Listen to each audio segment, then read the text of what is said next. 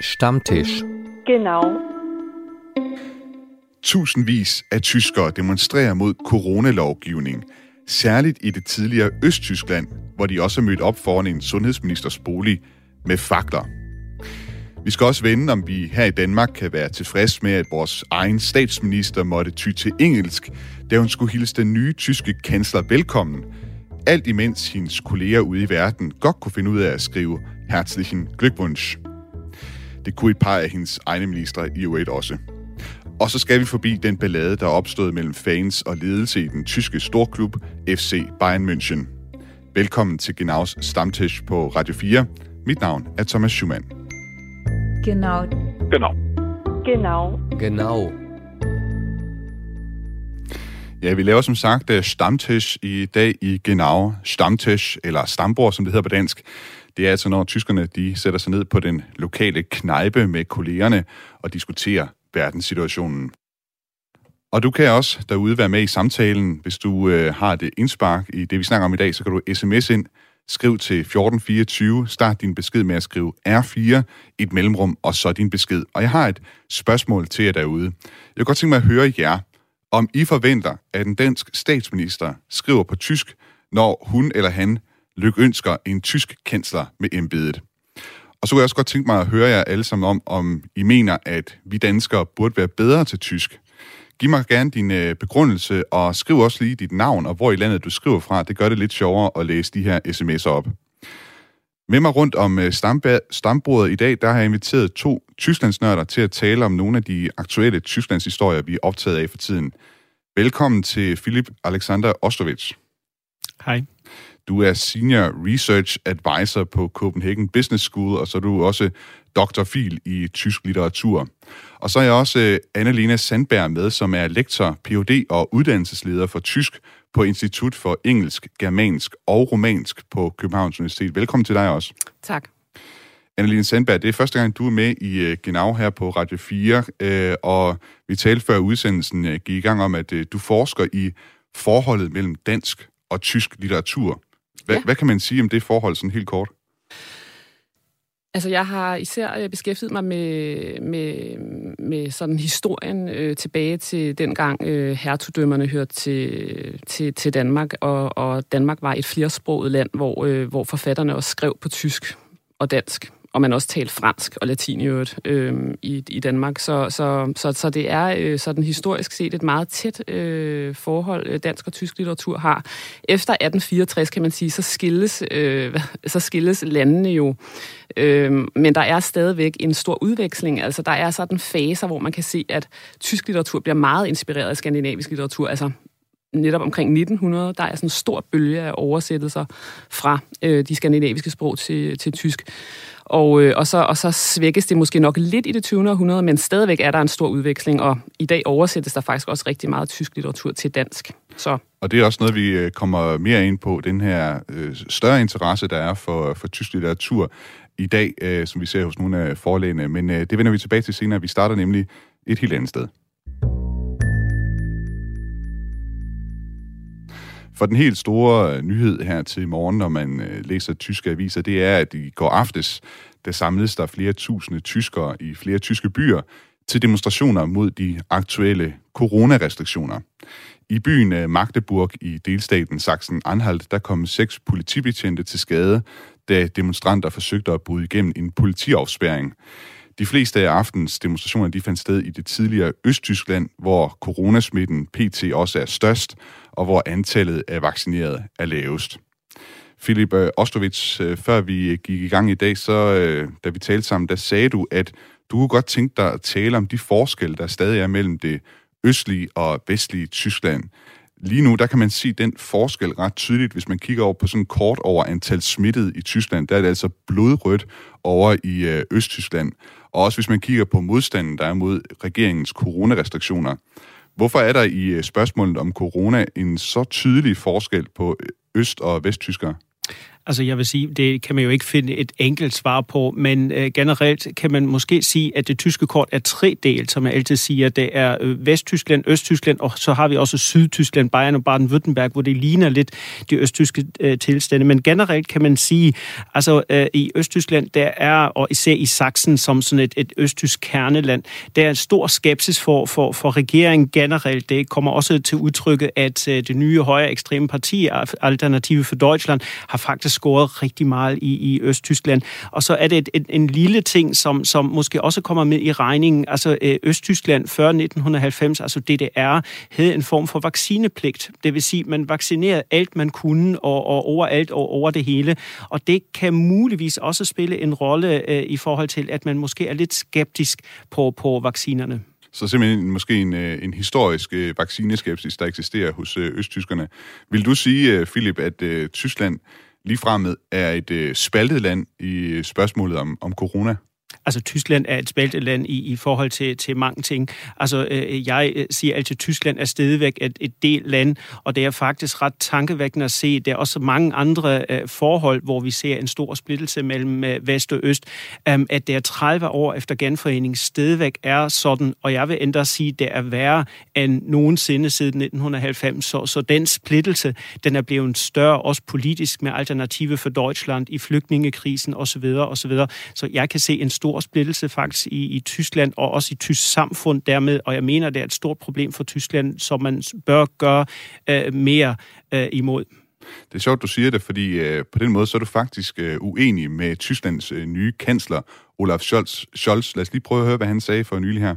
Deutschland ist nicht gespalten. Es gefällt mir nicht, dass eine solche Diskussion in diesem Land stattfindet. Die überwiegende Mehrheit der Bürgerinnen und Bürger hat sich impfen lassen. Sehr, sehr viele.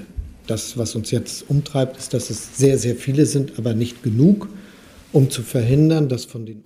Ja, det Olaf Scholz han siger her, det er altså, at Tyskland er ikke spaltet. Jeg bryder mig ikke om, at der kører sådan en diskussion i et land, hvor flertallet af borgerne har lavet sig vaccinere. Det handler om, at der er rigtig mange vaccinerede, men ikke nok til at forhindre, at infektionerne kommer til at udfordre vores sygehuse med mange patienter, der skal hjælpes for at redde deres liv. Hvad tænker du, uh, Philip? Uh, du, du og, og kansler Scholz, I, I er altså uenige på det her spørgsmål om, hvorvidt Tyskland er et land. Altså, jeg vil sige, det er også en, en, en forskel, om jeg siger det eller, eller Scholz. Ikke? Altså, mm-hmm. hvis jeg var bundeskansler i Tyskland, vil jeg nok ikke sige det så tydeligt og så klart. Og så vil jeg også sige, det er meget, meget vigtigt at påpege, at det er ikke kun corona, det er ikke kun uh, vacciner, det er kun et af de mange, mange uh, emner, uh, hvor der er store forskelle mellem uh, øst og vest. Og man skal også huske, altså, uh, Olaf Scholz er jo også vesttysker, og jeg tror, tror, i Vesttyskland er der mange, der siger, lad os nu ikke fokusere for meget på de forskelle, og det har de gjort i 30 år, fordi det var sådan en, en i 1990 var der sådan en, en, en tanke, jamen, vi har gjort det rigtige i Vesttyskland, nu bør Østtysker bare blive ligesom os.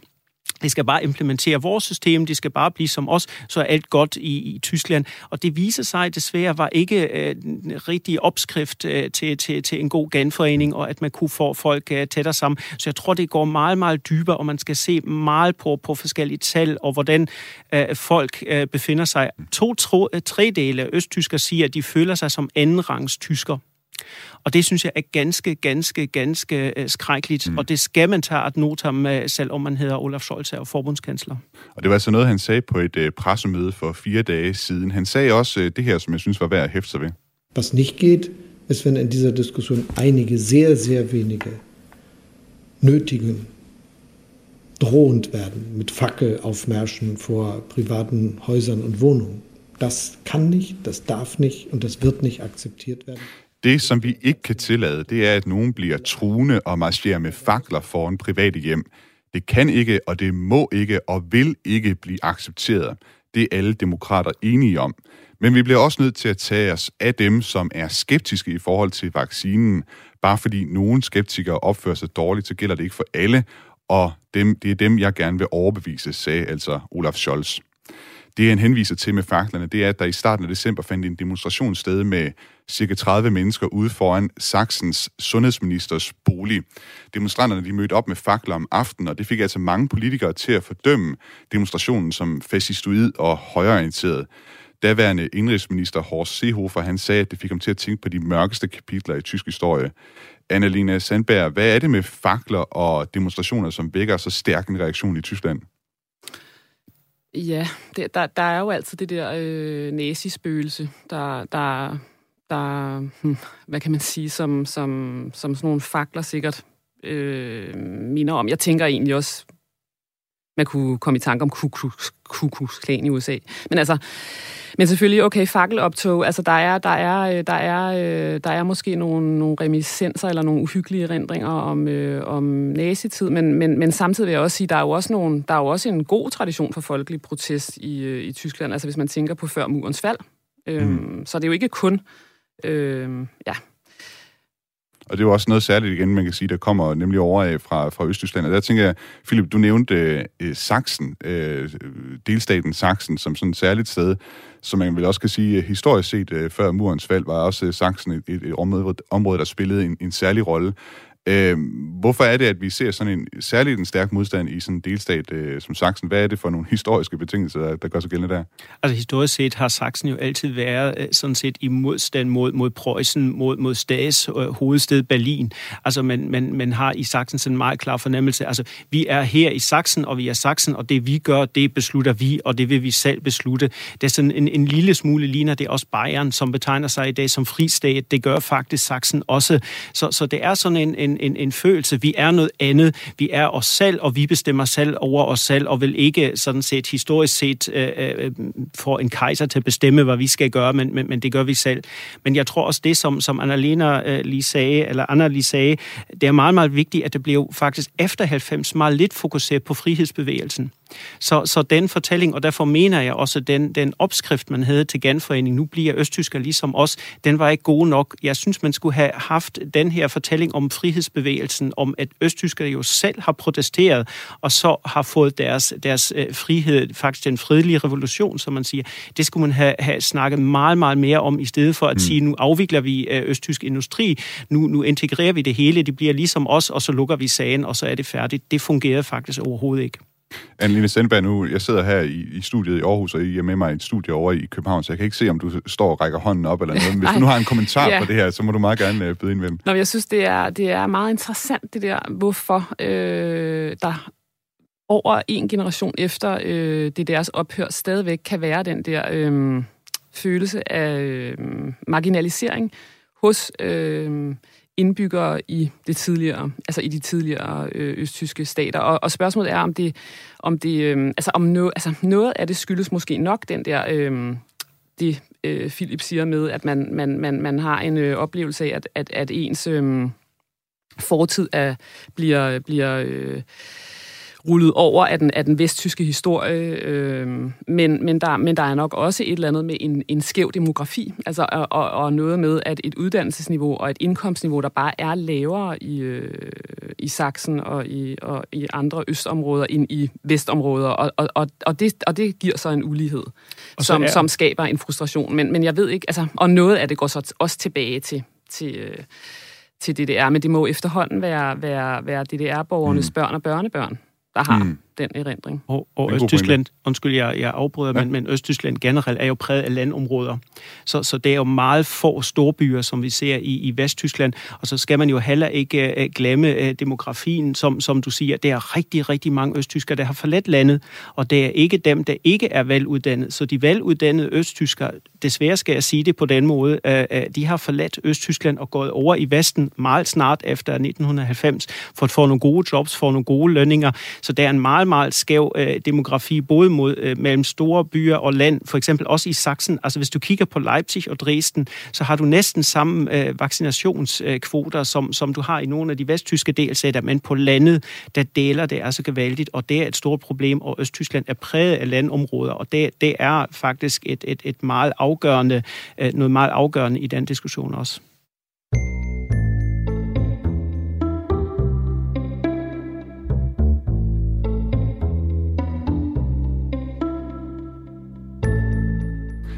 Vi spoler lige øh, tiden øh, lidt længere tilbage til den øh, næste historie, vi skal tale om, og vi bliver lidt ved Olaf Scholz, for onsdag i sidste uge, der blev han altså valgt som ny tysk kansler. Zum Bundeskanzler der Bundesrepublik Deutschland gewählt. Ja, så udover den øh, applaus og lykønskning, der lød til den tyske forbund, nye tyske forbundskansler i øh, forbundsdagen i Berlin, så lød det altså også rundt om i verden fra flere statsledere et tillykke til Olaf Scholz. Og en del af statslederne, de skrev endda deres hilsen på tysk. Og jeg kunne godt lige tænke mig at læse nogle af dem op. Det er jo lidt sjovt, øh, når man ser hvad skal man sige, andre statsledere også øh, tale tysk her. Det her det er på Twitter. Herzlichen Glückwunsch, Olaf Scholz, zur Wahl als neuer Kanzler der Bundesrepublik Deutschland. Ich freue mich darauf, die guten, langjährigen Beziehungen unserer Länder gemeinsam weiter für die Zukunft aus, auszubauen. Undskyld. Jeg oversætter lige her. Hjerteligt tillykke, Olaf Scholz, med valget som ny kansler for Forbundsrepubliken Tyskland. Jeg glæder mig til sammen at bygge videre på det gode og mangeårige forhold mellem vores lande for fremtiden. Øh, jeg kunne godt tænke mig at spørge jer, om I måske kan gætte en af jer, øh, hvem det er, I tror, der kunne have sendt den hilsen. Det er meget svært. Altså, jeg, jeg vil sige spontant, vil jeg sige, at måske var det Emmanuel Macron, men uh, jeg ved ikke, om man kan forvente det af en fransk mand, at uh, lykke ønske en tysk kansler på tysk. Det er faktisk uh, Norges ja, statsminister... Det var jo... den tanke. Ja. det er Norges statsminister Jonas Gahr Storø, der simpelthen på Twitter uh, sendte den her hilsen. Øh, de næste par hilsner, de giver lidt mere sig selv øh, af indholdet. Det næste, det er Boris Johnson, den britiske premierminister, som også har gjort sig umage. Han skrev, Herzlichen Glückwunsch, Olaf Scholz, zu Ihrer Ernennung zum Bundeskanzler. Deutschland und das Vereinigte Königreich sind enge Freunde und zuverlässige Verbündete und ich freue mich auf eine enge Zusammenarbeit in den kommenden Jahren. Also hjertelig tillykke, Olaf Scholz, med deres udnævnelse til forbundskansler. Tyskland og Storbritannien er tætte venner og tillidsfulde allierede, og jeg glæder mig til et tæt samarbejde i de kommende år. Og vi tager lige den sidste, fordi det, vi kan faktisk rykke os endnu længere væk end fra bare Norge og Storbritannien, helt over til Japan, hvor at premierministeren Fumio Kishida også skrev sin hilsen på tysk. Han skrev altså så, blandt andet sådan her på Twitter, Ich freue mich auf die Zusammenarbeit zur Stärkung der bilateralen Beziehungen sowie Frieden und Stabilität in der internationalen Gemeinschaft – altså oversat til dansk, jeg glæder mig til samarbejdet om at styrke de bilaterale forhold, såvel som fred og stabilitet i det internationale samfund. Og så er det, vi kommer frem til vores egen statsminister, Mette Frederiksen, som godt nok ikke selv er på Twitter, men det er statsministeriet. Og de skrev altså sådan her i onsdags i sidste uge på Twitter. Prime Minister Mette Frederiksen, congratulations to Olaf Scholz on his appointment as Federal Chancellor of Germany. Germany is a dear neighbor, a close ally, and Denmark's most important trading partner. I look much forward to working together. Og øh, det var jo så på engelsk, øh, og jeg havde spurgt øh, lytterne derude om, øh, hvad de synes, der ligesom, øh, hvad man kunne forvente. Og vi har fået et par sms'er ind her. Øh, der er en, der skriver her, det er Jan Klatrup øh, fra Diana Lund, der skriver, jeg tænker, det giver mening at kunne noget tysk, hvis man er i Tyskland, ligesom det giver mening, at tyskere kan dansk i Danmark. Desværre bliver vi trådt på, og alle omkring, omkringliggende lande forventer, at vi kan kommunikere på deres sprog. En tysk kansler vil ikke ønske en dansk statsminister til lykke på dansk, derfor heller ikke omvendt. Vi har også her Jens, Jens fra Nykøbing Falster, der skriver, Tysk, tyskere taler stort set kun deres eget sprog. De forventer, at alle andre kan tysk. Hvorfor skal vi være, så være bedre til tysk? De kunne da også lære engelsk. Vi kunne mødes på midten, skriver nogle af lytterne altså. Anna-Line Sandberg, jeg, personligt er jeg måske selv øh, lidt, øh, men nu er jeg også germanofil, ja. øh, skuffet over, at Danmark, øh, som deler landegrænse med Tyskland, og som Mette Frederiksen selv siger i beskeden her, altså at Tyskland er en vigtig øh, handelspartner, så er jeg måske lidt skuffet over, at vores statsminister ikke kan sende en hilsen på tysk. Er det noget, der skuffer dig? Ja, jeg synes også, det, det, det, det er en respekt lige at gøre sig den umage at oversætte den lykønskning til tysk. Altså de andre har jo heller ikke skrevet den selv øh, på tysk, men har fået den oversat, og det, det tager måske lige lidt ekstra tid, men der, det har man altså åbenbart ikke øh, brugt øh, ressourcer på fra dansk side, og det er, og det er lidt øh, ærgerligt. Altså, jeg var selv... Øh, også gæst, da Merkel var på besøg for nogle år siden i, øh, inde på Frueplads i universitetets hovedbygning, hvor Helle Thorning var statsminister og også kun kunne tale med Merkel på engelsk. Og det giver jo den der, det giver jo den der ekstra afstand på en eller anden måde, selvom der er synkron tolkning og alt det der, så er det ikke det samme øh, at tale sammen i oversættelse, som at kunne tale sammen direkte på, på sproget. Vi har en øh, lytter mere her, der skriver, at han hedder Bjarne Kim Pedersen. Han skriver fra Nordfyn. Han skriver, Ja, statsministeren burde skrive på tysk eller dansk. Er det ikke en sønderjyde, Barbara Bertelsen, der sidder ved hendes side? Det burde ikke være et problem. Og øh, vi kan faktisk gå lidt videre på Twitter, fordi øh, der er faktisk øh, danske ministre, som godt kunne finde ud af at skrive på tysk. Øh, her er det klima-, energi- og forsyningsminister Dan Jørgensen, som skriver Meinen Glückwunsch an Robert Habeck als neuer deutsche Klimaminister, altså min lykkeønskning til Robert Habeck som ny tysk klimaminister, altså hans, hans øh, pangdang i, øh, i Tyskland. Og øh, så har vi den danske udenrigsminister her, Jeppe Kofod, som også godt kunne finde ud af at øh, formulere sig på tysk. Herzlichen Glückwunsch zur Regierungsbildung an SPD, Die Grünen und FPD. Altså, hjerteligt tillykke med dannelsen af den nye regering, bestående af SPD, De Grønne og FDP. Og de her beskeder, de er altså lidt længere, men jeg vil ikke lige oversætte det hele, øh, der står i de her Twitter-beskeder. Man kan finde dem inde på Twitter, som sagt. Øhm, og jeg har faktisk også spurgt, øh, jeg har faktisk prøvet at spørge statsministeriet, hvorfor det var, at de valgte at skrive på engelsk frem for på tysk. Jeg har desværre ikke fået noget svar. Jeg spurgte dem allerede tilbage i onsdag, så har også været lidt i kontakt med statsministeriets presseafdeling, men de har altså ikke øh, kunne svare mig endnu.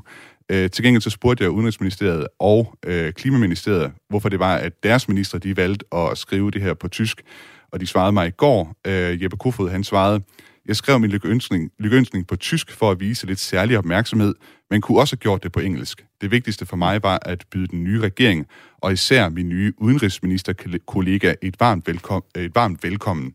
Når jeg mødes med den tyske udenrigsminister, plejer det at foregå på engelsk, og det fungerer også rigtig fint. Og her der er det øh, Klima-, Energi- og Forsyningsministeriet, der svarer på vegne af Dan Jørgensen. Det er en høflig og kærlig hilsen til en dygtig tysk kollega, som står foran et kæmpe stykke arbejde. Ministeren skriver på tysk for at være imødekommende og bringe den danske klimastemme ind i den tyske debat. Philip uh, øh, Ostrovits, det lyder jo lidt på Jeppe Kofod, som om, at det lige så godt kunne have været på engelsk, men den, mens at uh, Dan Jørgensen, han sådan øh, med sin hilsen forsøgte at være imødekommende, og så også prøvede at få den danske klimastemme ind i den tyske debat, siger han. Tror du, at det gør en forskel, om det er på engelsk eller tysk, at man sender sådan en hilsen? Absolut, og jeg tror, det, det berører to ting, som, som øh, jeg gerne vil sige også til, til, til lytterne, fordi altså, øh, når man lærer dansk, øh, eller når man lærer tysk i Danmark, eller har gjort det, så har man jo meget kigget på grammatik osv., og mange danskere, de er faktisk bange for at tale tysk, fordi de ikke lige ved, at det er de der, das og alle de der forskellige ting og sager. Men, men når man kommer til Tyskland og taler med tyskerne, hvis man bare kan tre-fire ord, og, og kan, kan sådan set prøve at, at, at famle sig frem på tysk, så er tysker utrolig glad for. Så jeg tror, at, at sige det her på tysk, det skal, kan du virkelig score øh, øh meget, meget højt hos, hos øh, tyskerne. De, de bliver meget, meget glade for, hvis, hvis øh, nogle udlændinge øh, taler deres sprog, og man skal ikke øh, tale engelsk. Og så er der noget andet, som, som jeg synes er vigtigt, sådan en interkulturel misforståelse. Jeg har i nogle år arbejdet med tysk-dansk øh, delegationsbesøg, og når tysker kommer til Danmark, så plejer de tit at øh, sige i starten af et møde, kan vi ikke snakke på tysk? Og så tænker danskerne, ej, nu kommer de der besætter igen, og det er jo helt uhørt og forfærdeligt og frægt osv. at spørge os, om vi, vi kan, kan tale tysk. Altså, de er virkelig umulige, de der tysker.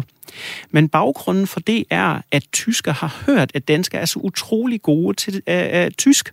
Så tysker mener faktisk, at alle danskere taler faktisk mere eller mindre fremragende tysk. Så det er faktisk en kompliment, øh, de, de til starten at, at møde giver til, til danskerne. Og det er en meget, meget stor misforståelse, som jeg også har snakket med, med mange tysker om i de her delegationer, at de ikke skal spørge, om man kan, kan, kan snakke tysk. Men min erfaring er, at, de fleste danskere kan faktisk bedre tysk, end, end, end, end de siger. Og vi har for eksempel en, en erhvervsminister øh, i Danmark, Simon Kollerup, han taler flydende tysk. Mm. Altså det er helt exceptionelt, hvor god han, han, han er til tysk. Men selvfølgelig, når der er forhandlinger, og når det er på det officielle, så er engelsk bedre, fordi så er begge øh, dele på, på samme niveau, og, og så har man faktisk samme øh, øjenhøjde. Mm. Hvis den ene taler, hvis en dansker taler tysk, og en tysker taler tysk, så er der et hierarkiproblem, øh, som, som øh, bedre løses ved, at begge taler engelsk. Jeg tænker også, at øh, for sådan en ny øh, kansler som Olaf Scholz, der, der ser sin, øh, sin Twitter-feed, øh, folk der skriver på, på tysk og på engelsk og sådan noget, det må være det, der ligesom står på tysk, at andre statsledere har gjort sig umage her, der ligesom må gøre mm. et, et indtryk i den sammenhæng. Lige helt kort, øh, Anne-Line Sandberg, hvis du har et... Øh, altså, hvor, hvor stort indtryk tror du, at det vil gøre, hvis en dansk statsminister egentlig skrev sin hilsen på tysk?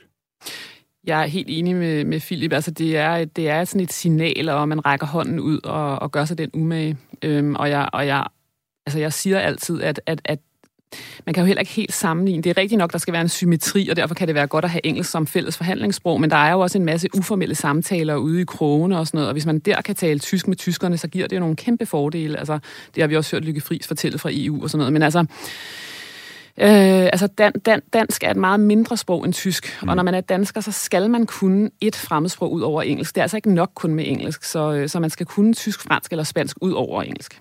Det er nok sådan en opfattelse, vi lidt har her i Danmark, at øh, så længe vi kan engelsk, så er det, så er det nok, og, og så, så burde vi ligesom kunne klare os øh, ude i verden. Men jeg kan sige sådan rent personligt, altså også min egen oplevelse som, øh, som vært her på programmet, og det der med at være afsted i Tyskland, altså tyskerne, de bliver bare så sindssygt glade, når det er, at man som mm, dansker mm, har, valgt, har valgt at ligesom lære det sprog. Lidt på samme måde, som jeg tænker, at øh, mange danskere også ville blive glade, hvis det var, at man øh, som tysker kom til Danmark, og man havde gjort sig den umage.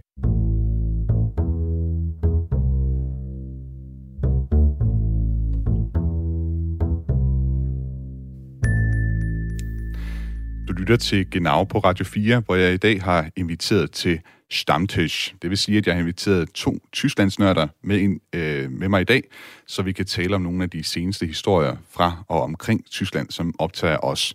Min gæster i dag det er Philip Alexander Ostrovits, som er Senior Research Advisor på Copenhagen Business School, og så har jeg også Annalena Sandberg, lektor, Ph.D. og uddannelsesleder for tysk på Institut for Engelsk, Germansk og Romansk på Københavns Universitet.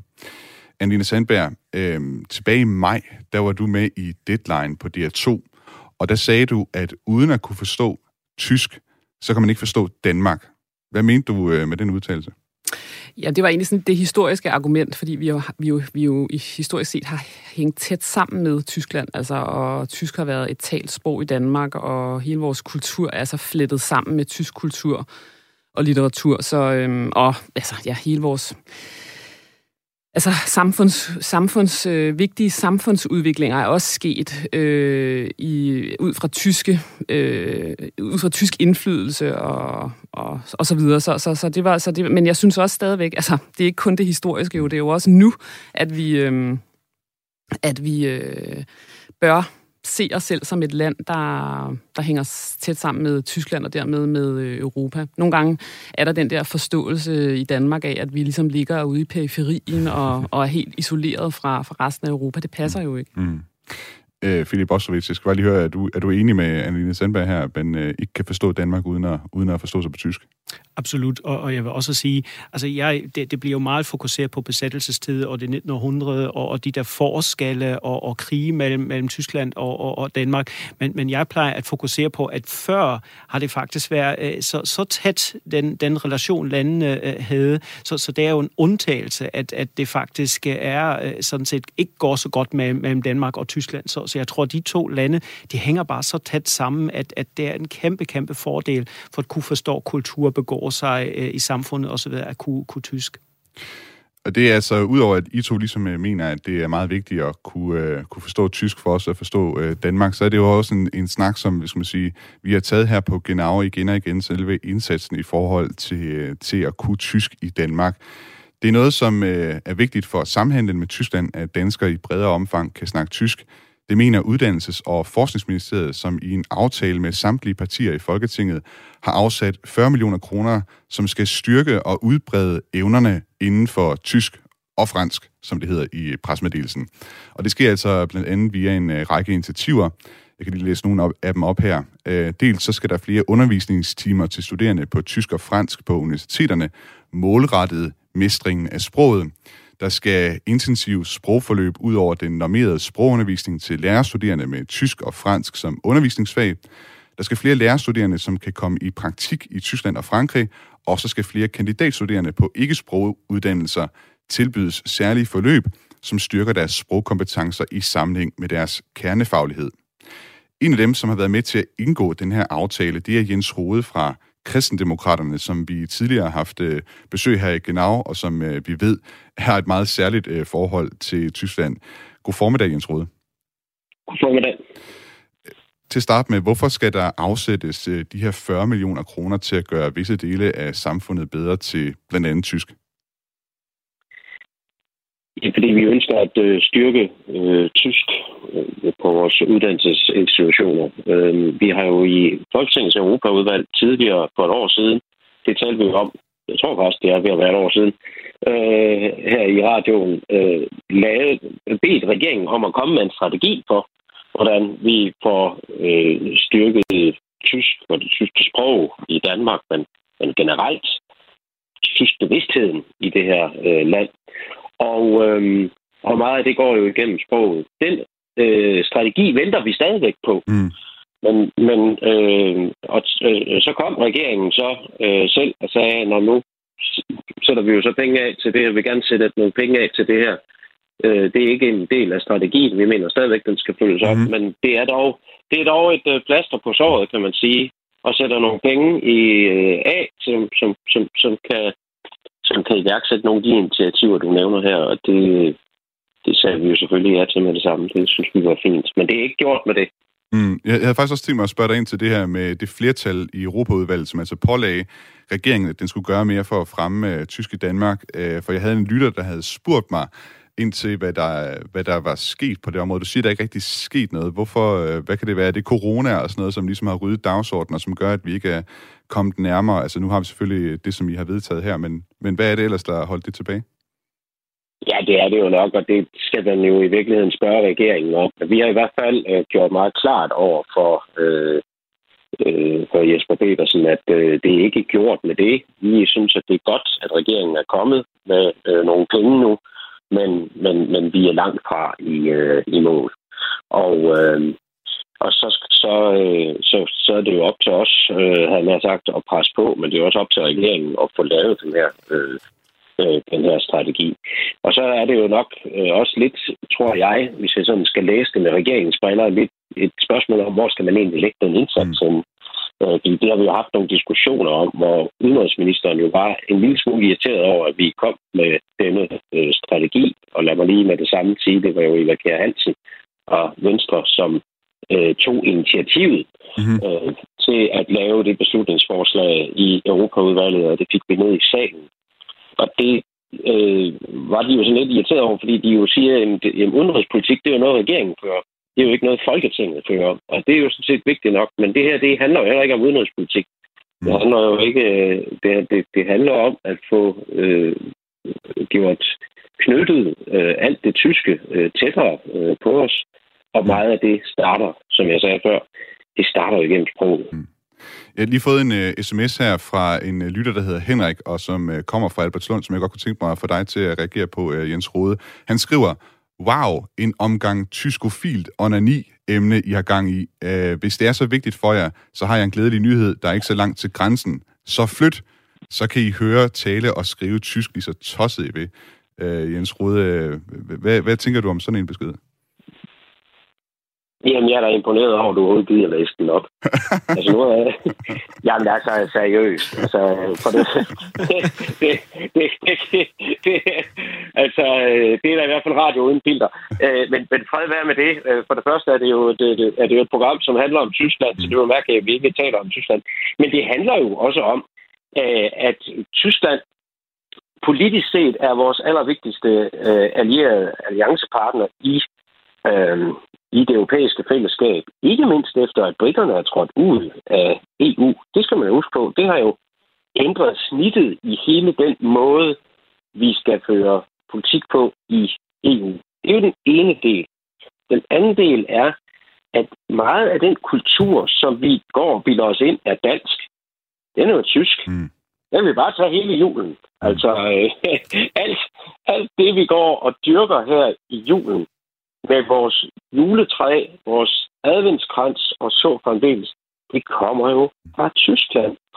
Så det er en del af os selv og en del af vores egen kultur, det tyske. Mm. Og endelig er der den økonomiske del, som jo øh, er interessant nok i sig selv, at det er, at øh, Tyskland er nu engang det land, øh, som vi eksporterer øh, mest til overhovedet. Og i og med, at ja, det, så er der også økonomiske interesser på spil. Og man handler nu engang bedst med tyskerne, hvis man kan deres sprog. Det tror jeg, de fleste vil. Øh, der har prøvet at handle med tyskere eller diskutere politik med tyskere, det tror jeg, de vil kunne give mig ret i. Så det er i vores egen interesse. Jens Rode, øh, tak fordi du vil være med i dag. Du er altså folketingsmedlem for Kristendemokraterne og har været med til at stemme det her øh, initiativ i gang. Øh, tak fordi du vil øh, være med i Genau i dag. Gerne getan.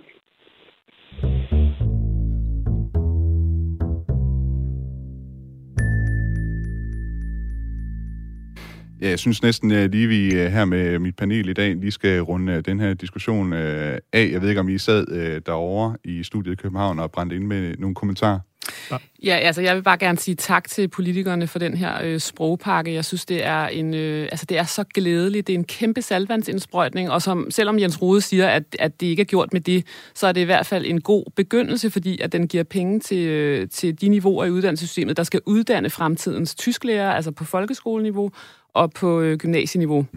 Og, det, øh, og vi kan rigtig godt bruge de penge der til at få, øh, få styrket øh, især de praktiske sprogfærdigheder. For det er jo svært at lære at, at, at mestre øh, fransk og tysk, så det, det, det kommer der nu nogle, nogle penge til at give mere undervisning i. Og, og ikke mindst, altså jamen, det er vigtigt på alle niveauer, altså at vores, at vores øh, folkeskoleelever får en inspirerende undervisning fra mm. begyndelsen af lærere, som har opholdt sig i Tyskland i længere tid, og, og på den måde har, øh, har lært kulturen at kende. Det er så vigtigt. Altså. Så, det, så det er både en salvandsindsprøjtning, og det er også en anerkendelse, synes jeg, af, af vigtigheden af fremmedsprog. Så vi, vi er virkelig glade. Vi hilser det meget velkommen. Og så, så en, en lille stamtidshistorie øh, måske. Når, når, når danskere fejrer fødselsdag, så er Tyskland jo altid med, eller i hvert fald Preussen, fordi den tradition med Øh, råbe hurra, det har man jo overtaget fra Preussen, faktisk, ja, og det er helt forsvundet i Tyskland og Preussen, altså det, det gamle, de gamle områder. Det gør man ikke mere i Tyskland, men det gør man stadigvæk i Danmark. Det er ikke mange, der ved det, at, at det er overtaget derfra. Så når danskere råber tre gange hurra til en øh, fødselsdag, eller til nogle andre fester eller jubilæer, så er Tyskland med, faktisk. Og det synes jeg, skal man, skal man virkelig være opmærksom på. Og jeg kunne tænke mig på et tidspunkt et lille forskningsprojekt, hvordan det er foregået, fordi det kommer fra Preussen, og det er okay. faktisk øh, ikke særlig særlig udbredt, uh, udbredt uh, den viden i Danmark, at det stammer derfra. Så, så jeg vil godt uh, tillade mig at rulle lidt på æret, når der er, jeg råber hurra næste fuldstændig, gang, Fuldstændig, ja, okay. fuldstændig. Og, vi, og det, det er jo ikke, hvad skal man sige, det er jo, det er jo meget godt uh, initiativ, synes I begge to, det her med de her penge til, til at der skal undervises noget mere i tysk. Annelina Sandberg, du sagde også for mig, uh, til mig før udsendelsen, at der faktisk sker noget ret interessant, når vi ser på interessen for tysk litteratur i Danmark. Hvad er det, der sker der? Ja, man kan se, når, når, når når man bare kigger tilbage på de to sidste år, der bliver oversat rigtig mange tyske øh, titler til dansk. Øhm, og det er både sådan ny litteratur og klassisk litteratur, der enten bliver genoversat eller, eller oversat for første gang. Og så altså både skønlitteratur, men også øh, sociologi og filosofi. Og det, jeg, jeg lavede sådan en kort optælling, hvor jeg kunne se, at det drejede sig om noget med 75 oversættelser på, fra, mm-hmm. fra, fra 2019 til i dag, og det, og det bliver vel at mærke udgivet på mange forlag. Altså, der er jo, der er jo denne her store øhm, skov af mikroforlag, som meget entusiastisk udgiver øhm, bøger, selvom det egentlig ikke er noget, de tjener særlig mange penge på, men altså, det, det er, det er, øhm, så der er, der er altså en stor, øhm, hvad skal man sige, vi har adgang til, øh, til øhm, til en diversitet af tysk litteratur. Og det synes jeg også er positivt. Det er jo ikke kun at kunne mestre sproget, men det er jo også, altså det der med at læse litteraturen giver jo også et indblik i, hvordan øhm, verden ses fra, fra, fra, fra tysk side. Og Tyskland er jo et land, der befinder sig midt i Europa, og derfor bliver der også skrevet en anden litteratur, end der bliver skrevet i Danmark. Mm. Det, er også, det er også sjovt, når man ser på nogle af de her sådan, øh, forlag, der er skudt op, øh, også hvordan de måske tager det tyske til sig i deres navne. Der er i hvert fald et forlag, der hedder Gudkendt, ja. som blandt andet øh, udgiver Helle Helle øh, for tiden. Øh, Annelina Sandberg, kan du, kan du øh, anbefale nogle, nogle titler, hvis man nu øh, går og overvejer en, en julegave til en, der skal læse noget, noget tysk litteratur? Altså, Judith Hermans Darheim er lige blevet oversat. Jeg tror nok, den danske titel er Hjem eller Hjemme. Okay. Den synes jeg er rigtig god. Ja, altså, den, okay. er, den er meget... Øhm, men hun har jo også et, hun har et, øh, hun har en stor fanskare i Tyskland. Altså, hun har ramt lige ned i sådan en eller anden dansk, tror jeg, mentalitet med noget melankoli og noget... Ja, den her roman handler så om... Den er sådan lidt øh, dystopisk... Øh, kli, altså, men, ikke, men ikke på den måde en debatroman om, om klimaforandringer, men, men, men foregår i et i, ja, i et landskab, der er, der er præget af forandringerne, og hvor, man, hvor der er sådan en underlig stemning af, at, øhm, at det snart kunne slutte. Den er virkelig, mm. den er virkelig god. Og hvis jeg må anbefale en, en til, øh, så, så vil jeg sige Theresia Mora, mm. som er en af Tysklands uh, vigtigste stemmer, synes jeg. Uh, hun har også en fantastisk interessant biografisk baggrund. Så uh, der bliver udgivet en bog, der hedder Aliens, 10 kærlighedshistorier. Og det er også sådan noget, man, man, man kan læse ind imellem uh, i en fantastisk oversættelse og uh, en af de der mikroforlagene. Så, så det er en bog, jeg vil kraftigt anbefale.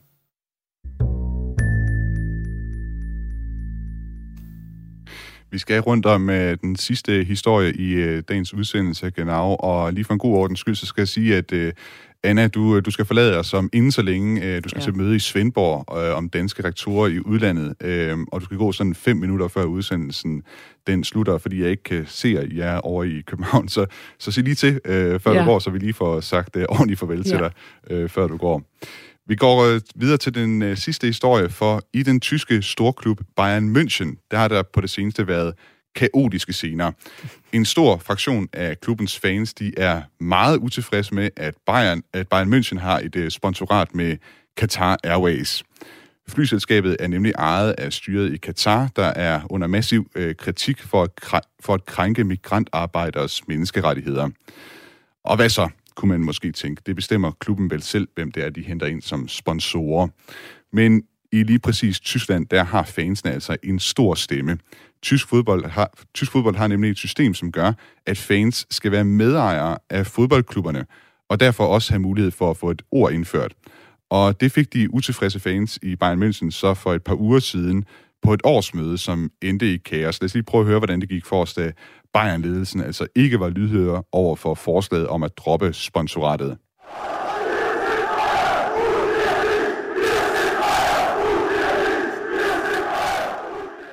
Philip øh, Ostrovits, er det her en historie, som du har fulgt med i?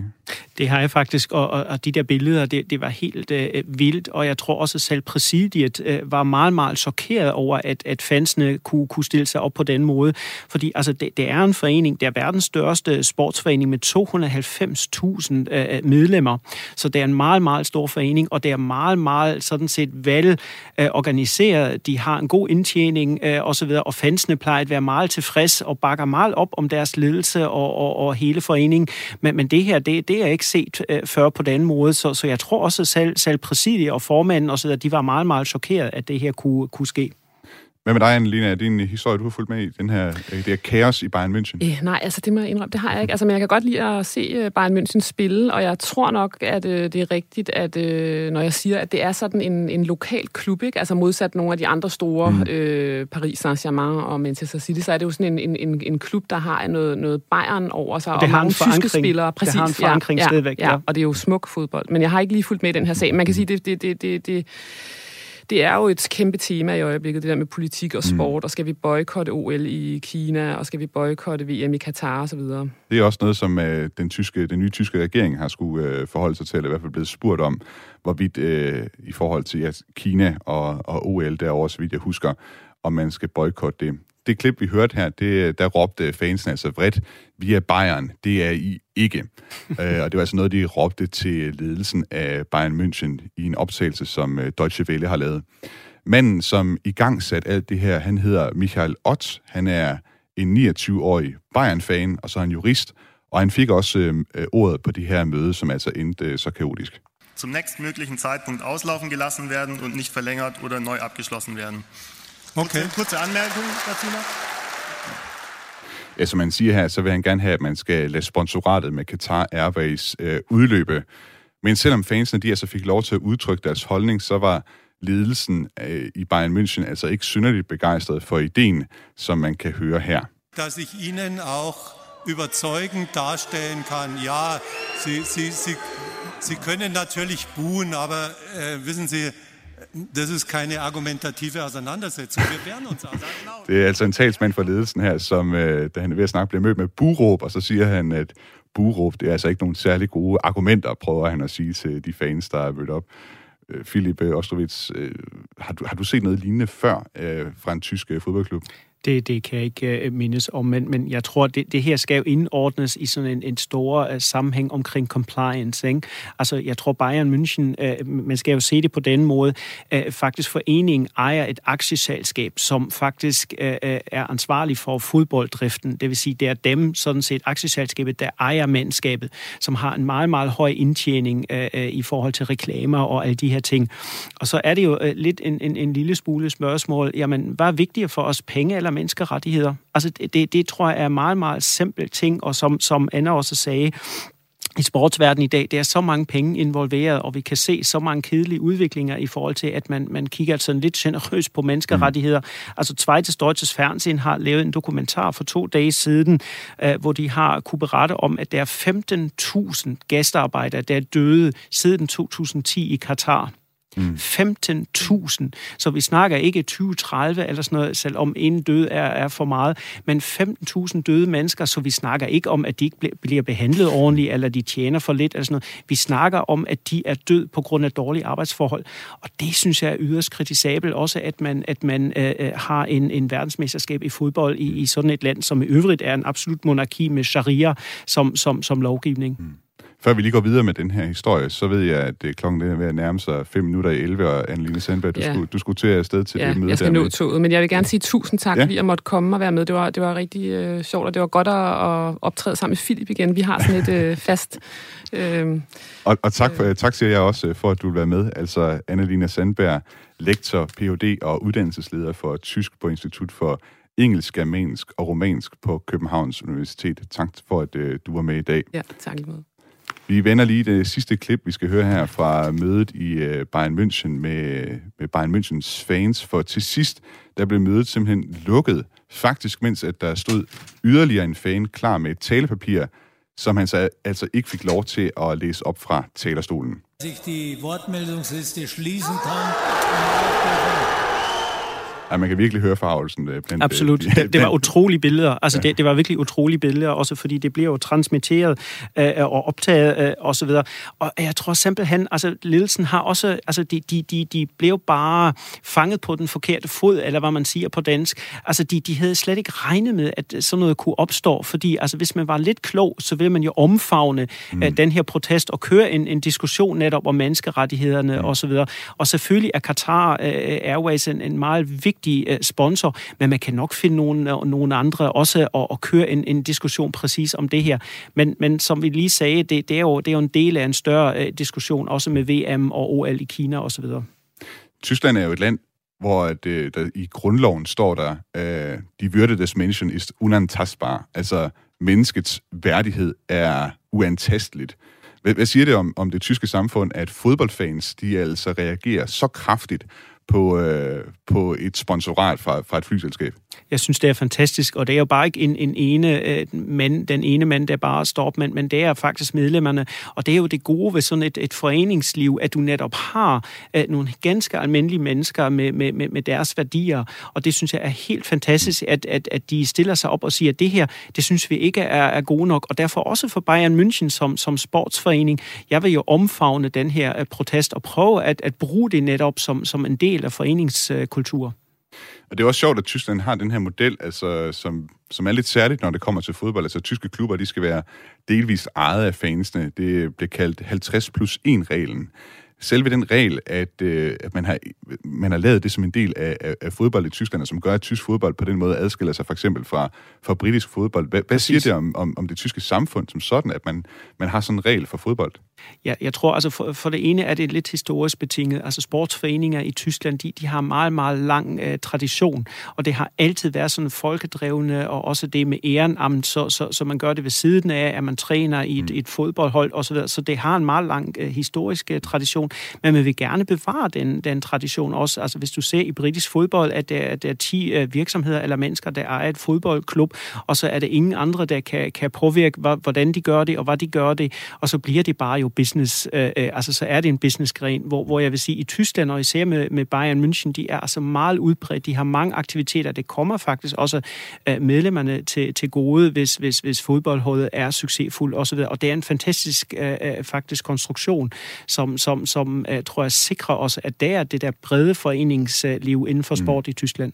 Nu nævnte du lige begrebet ehrenamt. Det tror jeg lige, vi skal oversætte. Det er vel det, man kalder frivillig på dansk. Præcis, frivilligt arbejde, eller sådan noget vil man oversætte det. Og, og det er også meget, meget udbredt, især i, i sportsforeninger. Så, så det, du gør det som, som, som frivillig, så er du træner for, for en, en ungdomsfodboldteam uh, eller et eller andet. Og det er meget, meget uh, udbredt. Og, og det tror jeg er en vigtig del også af et tysk uh, kultur. Apropos, når vi taler foreningsliv i Danmark, og det er så særligt dansk, det er det faktisk ikke.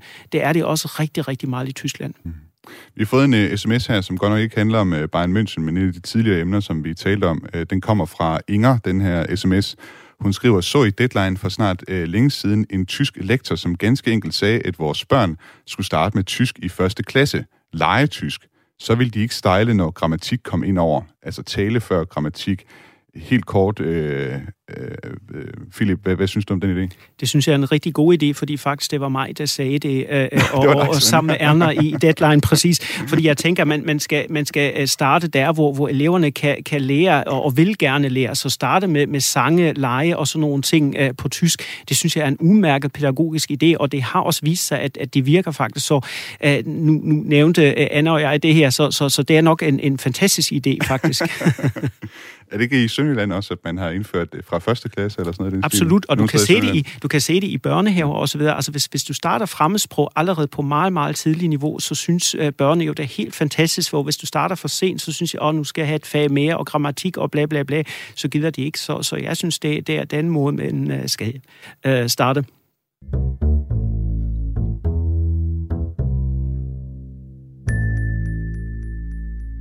Ja, mine gæster i dagens øh, stamtisch her på Genau har altså været Philip Alexander Ostrovits, øh, Senior Research Advisor på Copenhagen Business School, og så Anneline Sandberg, som vi tog afsked med øh, for lidt siden. Øh, Philip, tak fordi du ville øh, være med i øh, Genau Stamtisch i dag. Tusind tak. Genau er tilrettelagt af Niklas Erbelor, redaktør er Camilla Høj Eggers, mit navn er Thomas Schumann. Musikken, som du har hørt i, gennem udsendelsen i dag, som jeg har lagt ind som skillerhister her, den er lavet af John Hanson. Hvis du skulle sidde derude og have forslag til fremtidige udsendelser af Genau, eller ris, ros eller andre kommentarer, så send det gerne til mig på genau radio4.dk. Og du kan altid lytte til Genau inde på Radio 4's hjemmeside på Spotify eller på Apple som podcast. Indtil vi høres ved igen, så vil jeg en god uge. Auf Wiederhören.